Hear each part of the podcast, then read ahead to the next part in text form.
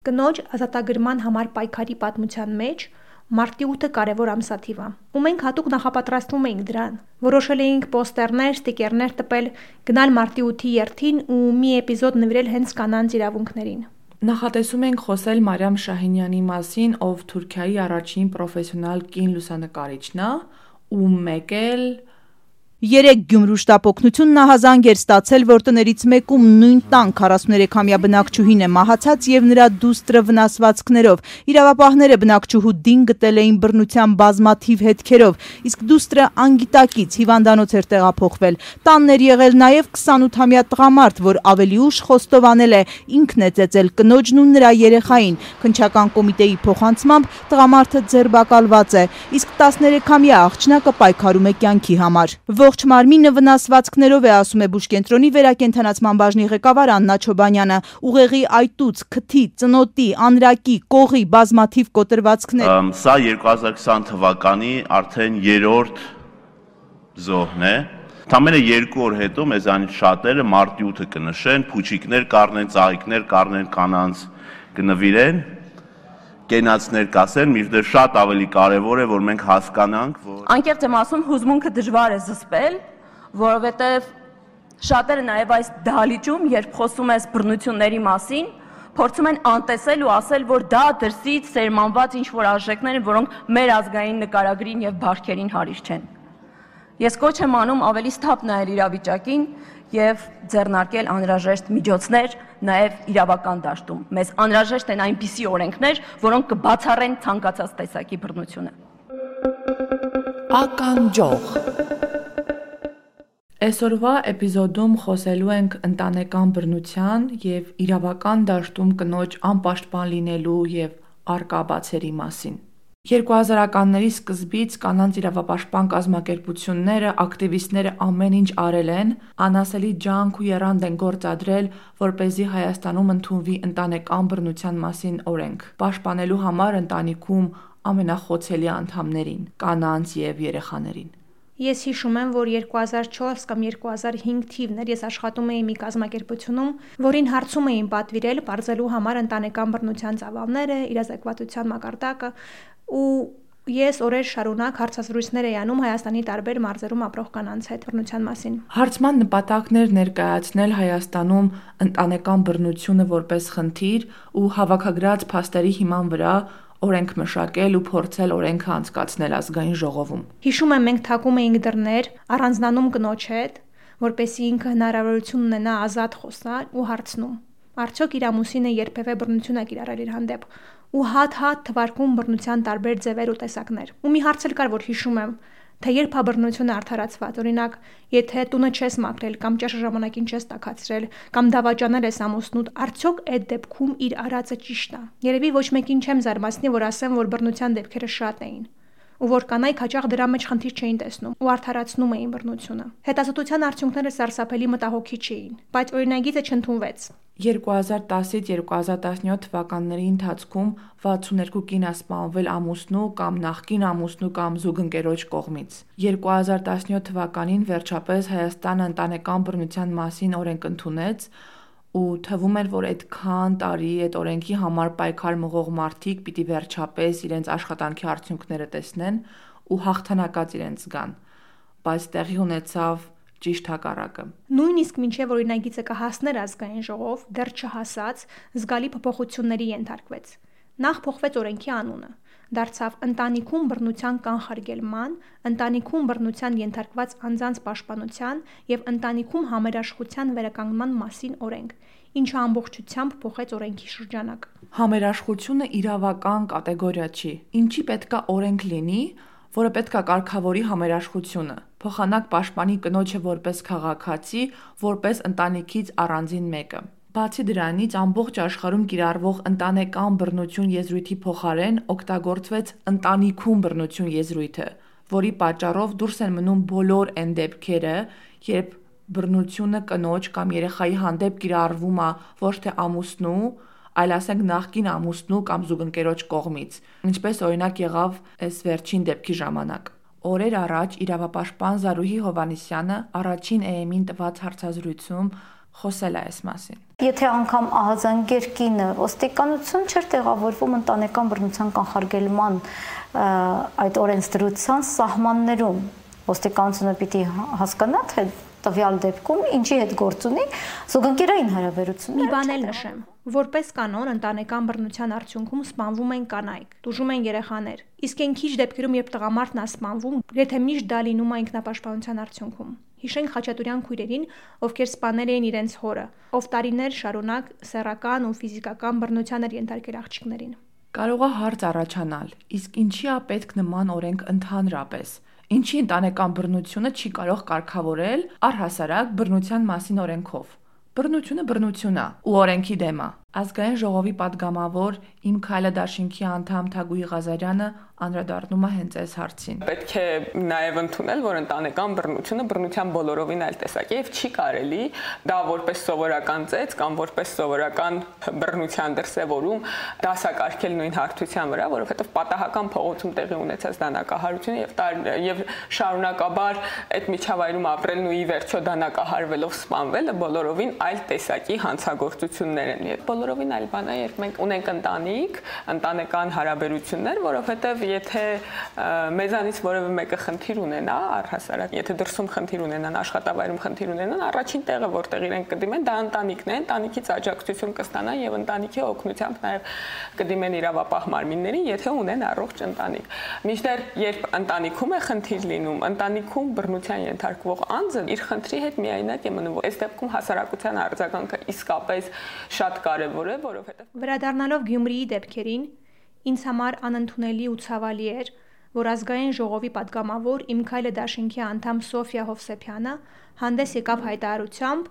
ասելով թե արդյոք մահացած մայրը մեղավոր չէր, չէ որ մայրը կոչվածա պաշտպանելու երեխային ու դրանով քննարկումը բռնարարից տեղափոխեց զոհի կողմը։ Սոֆիա Հովսեփյանը իր Facebook-յան գրառումներում խոսում այն մասին, թե ինչն ասխալ արել մայրը, որ իրեն սպանել են, իսկ երեխային ծեծել։ Սոֆյան մեղադրում է սպանված կնոջը, որ իր երեխայի տարիքի տղայի հետ է կապվել ու լռել է, երբ իր ու իր երեխայի հանդեպ բռնություն են կիրառել։ Երբ Սոֆյան, լինելով գյումրեցի ու քաջատեղյակ, պահպանողական շրջանակների քննադատությանը ու ամոթ հանգ տալու սովորույթին, տենց հեշտությամբ ասում է՝ «Թող կինը խոսեր, թող բարձրաձայներ»,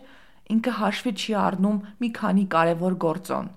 Երբ կանանց մեղադրում են, թե ինչի իրենք չեն թողնում ու հեռանում իրենց հանդեպ բռնություն կիրառող ամուսնուց կամ ընկերոջից, միշտ զարմանում են, որ չեն տեսնում են դրությունը, որի մեջ գտնվում են այսօր շատ ու շատ կանայք։ Շատ հաճախ կինը ուղակի գնալու տեղ չունի։ Ծնողները իրան հետ չեն ընդունի, քանի որ բաժանված կին լինելը ամոթալի բան է։ Կա նաև խնդրի սոցիալական կողմը։ Կինը պարզապես չի կարող հեռանալ տղամարդուց, քանի որ հաճախ չի աշխատել կամ եթե նույնիսկ աշխատել է, իր աշխատավարձը բավարար չի իր ու իր երեխայի կյանքը ապահովելու համար։ Կնոջը միշտ ասել են, որ քո գործը փող վաստակելը չի, այլ երեխա մեծացնելն է, ճաշ էփելն է, տուն մաքրելն է։ Ու արդյունքում կինը կրթություն չի ստացել։ Ինքը մենակ իր հացը վաստակել չի կարող ու հետևաբար մշտապես կախված վիճակում է տղամարդուց։ Ու պարզա որ չի հեռանում։ Նաև շատ է ասվում, որ ընտանիքը ամենակարևոր բանն է, որ հանուն երեխայի պետքա մնալ ամուսնու հետ ու ամեն բանի դիմանալ։ Հակառակ դեպքում ընտանիքը կքանդվի ու դե հիմա մարդ է, մի օր էլ կծեծի, ոչինչ, նորմալ է։ Էլ չեմ խոսում այն մասին, որ հաճախ ֆիզիկական բռնությունը զուգորդվում է հոգեբանական ճնշմամբ։ Կնոջը ստորացնում են, բարբերաբար ասում, որ ինքը անպիտան է ու արժեք չունի,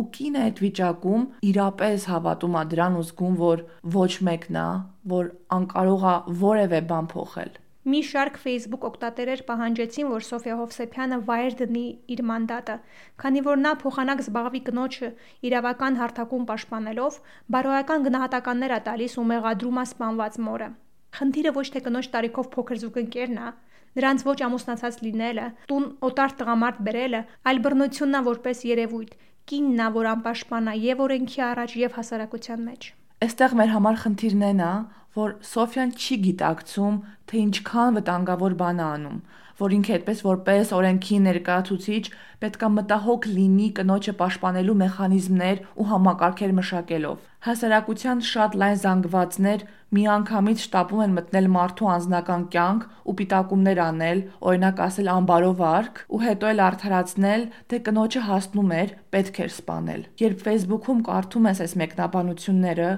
ուղակի ապշում ես, թե ոնց է հասարակությունը դատապետում, մեղադրում կնոջը, ու որն առավել մտահոգիչ է հենց կանայք իրանք են բռնության կոչեր անում ու արդարացնում տղամարդու պահվածքը։ Եթե օրինակ տղամարդն է կնոջից մեծ, այդ խնդիր չի ու չի քննարկվում։ Եթե տղամարդն է ենթադրենք դավաճանում կնոջը, կինը չի ասի. «Դե դավաճանել ես, ես քեզ պետքա ծեծեմ ու դու պետքա լուր կրես քո պատիժը»։ Տարօրինական նույնիսկ պատկերացնել այդ իրավիճակը ու ոչ մեկի համար գաղտնիք չի, որ բարոյականության երկակի ստանդարտներ են գործում։ Տղամարդը իրավունք ունի արտամուսնական կապեր ունենալ, կինը ոչ։ Մի այսպիսի խնդիր էլ կա, որ ընտանեկան բռնությունը համարվում է կնոջ ու տղամարդու գործը, եւ հաճախ հարևանները, բարեկամները, ընկերները իմանում են բռնության մասին, բայց որոշում են, որ դա իրենց չի վերաբերում ու իրանք չպիտի խառնվեն։ Ու այդպիսի արտահայտություն ունենք, չմտնենք մատի ու մատանու արանքը ու Զարուհին սրա մասին էլ է խոսում ինչպես անել, որպեսի հասարակությունը եւս այնքան դատապարտի եւ այնքան հակված լինի կանխարգելելու, որ ահազանգ է դրա վերաբերյալ։ Եթե անգամ կինը չի կարողանում կամ մնում է անպաշտպան իր խնդրի հետ, հասարակության որևէ անդամ իր վրա պատասխանատվություն վերցնի, ի վերջո պատկան մարմիններին տեղեկացնել խնդրի վերաբերյալ։ Այս խնդրին անդրադարձել է նաև ԱԺ պատգամավոր Նազելի Բաղդասարյանը։ Դեպքը տեղի ունեցել Գյումրիում, մեկ քաղաքում, որտեղ գրեթե բոլորը բոլորին ճանաչում են, եւ տեղի ունեցել ցերեկային ժամին բնակելի թաղամասում, որը բավականին խիտ բնակեցված է, հասարակության անտարբերության ներքո։ Ինչու եմ սա շեշտում, որովհետև տարբեր լրատվամիջոցներին տրված հարցազրույցներում հետո հարևանները փաստել են, որ այդ ընտանիքի անդամները parberabar կապտուկներով եղել են։ Սա հասարակության անտարբերության մասին է խոսում։ Եվ ցավոք, երբ մենք խոսում ենք որ մեր հասարակության մեջ կա բռնություն, ոմանք փաստում են, որ չէ, դա չկա, մեր ազգային նկարագրին եւ արժեքներին հարիշ չէ։ Կա, հարգելի իմ գործընկերներ։ Ծանր է դեպքը, որովհետև եթե մենք շարունակենք անտարբեր ձևանալ, ապա այս դեպքերը գնալով կշատանան։ Սա դեպքեր, որը շատ ծանր ավարտ է ունեցել եւ པարզ է որ հասարակական բարձր հնչեղություն ունի բայց քանի-քանի նման դեպքեր կան որոնց մասին մարդիկ լռում են Բայց նույնիսկ այն դեպքում, երբ մարդիկ չեն լռում, մենք ելի խնդիր ունենք նախ եւ առաջ ոստիկանության հետ։ Այնքան կենսունակ այդ տնավարի վիճակը, որ ոստիկանությունը գալիս է, տնավարի խորհուրդներ է տալիս, կամ երբեմն ընտանեկան հաշտարարի գործառույթ է իրականացնում ու իր առաքելությունը ավարտած համարելով գնում։ Մի անգամ մեր ընկեր Լորին ոստիկանություն ա կանչել, երբ իր վերևի հարևանների տնից կնոջ լացի ու ծեծի ձայներ ա լսել։ Ոստիկանությունը եկել ա, բարձել ա որ տղան ա ծեծում մորը։ Խոսել ա տղայի հետ ու գնացել, առանց գործին որևէ իրավական ընթացք տալու։ Հաճախ առաջին հարցը, որ տալիս ա ոստիկանը կնոջը, այնա թե Ինչ ես արել, որ քեզ ծեծել են։ Ինչ մեղք ես գործել։ Ու այդ հարցը ինքնին ենթադրում է, որ եթե վատ բան ես արել, ուրեմն ծեծը արդարացված է։ Հայաստանում մինչև այժմ եղած դեպքերը, երբ տղամարդը դատապարտվել է կնոջը սպանելու համար, ուղեկցվել է շատ թեթև պատժով։ Հիշենք օրինակ 2015 թվականին տեղի ունեցած սարսափելի դեպքը, երբ ամուսինը կնոջը սպանել է դանակի 21 հարվածով ու դրա համար դատապարտվել 3 տարի 6 ամիս ազատազրկման։ Իսկ երբ օրինակ Սիսյանցի բազմազավակ մայր Հասմիկ Սարգսյանը 4000 դրամ էր գողացել, Նրան ուզում էին դատապարտել 6.5 տարվա ազատազրկման։ Թագուհի Ղազարյանը սրա մասին էլ է խոսում։ Մենք արձանագրել ենք մեզ համար թե օրենսդրական դաշտի կարգավորման խնդիրները, թե քննիչների, դատախազների, սոցիալական աշխատողների վերապատրաստման անհրաժեշտությունը եւ ունենք վերջնաժամկետներ, որոնք նշված են մեր ռազմավարության մեջ, գոնե մենք մեր մասով, ազգային ժողովի մասով հետևողական ենք լինելու, որ այդ վերջնաժամկետներում տեղավորվենք եւ նախարարություններն էլ շատ համագործակցային են տրամադրված։ Այս պահին մենք խնդիրների լուծումները տեսնում ենք այս երկարատև աշխատանքով, իհարկե նաեւ անընդհատ շատ սերմանելով հանրության մեջ բռնության նկատմամբ անհանդուրժողականության մշակույթը։ Բայց այս ահավոր ծանր դեպքերի շուրջ խոսելիս չմոռանանք նաև դրական փոփոխությունները արձանագրել։ Այն որ падգամավորները հանդես են գալիս նմանատիպ մտահոգություններով ու առհասարակ բարձրաձայնում են այս խնդիրը,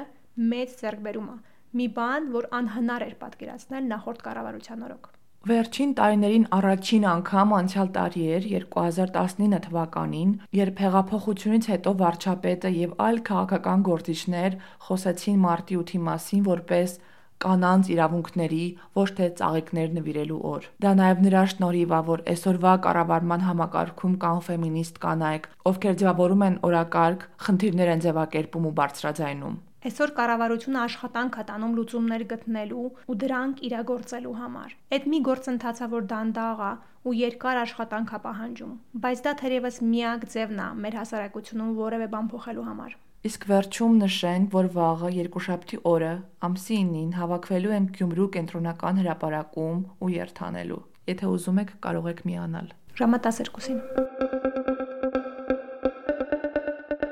Ականջող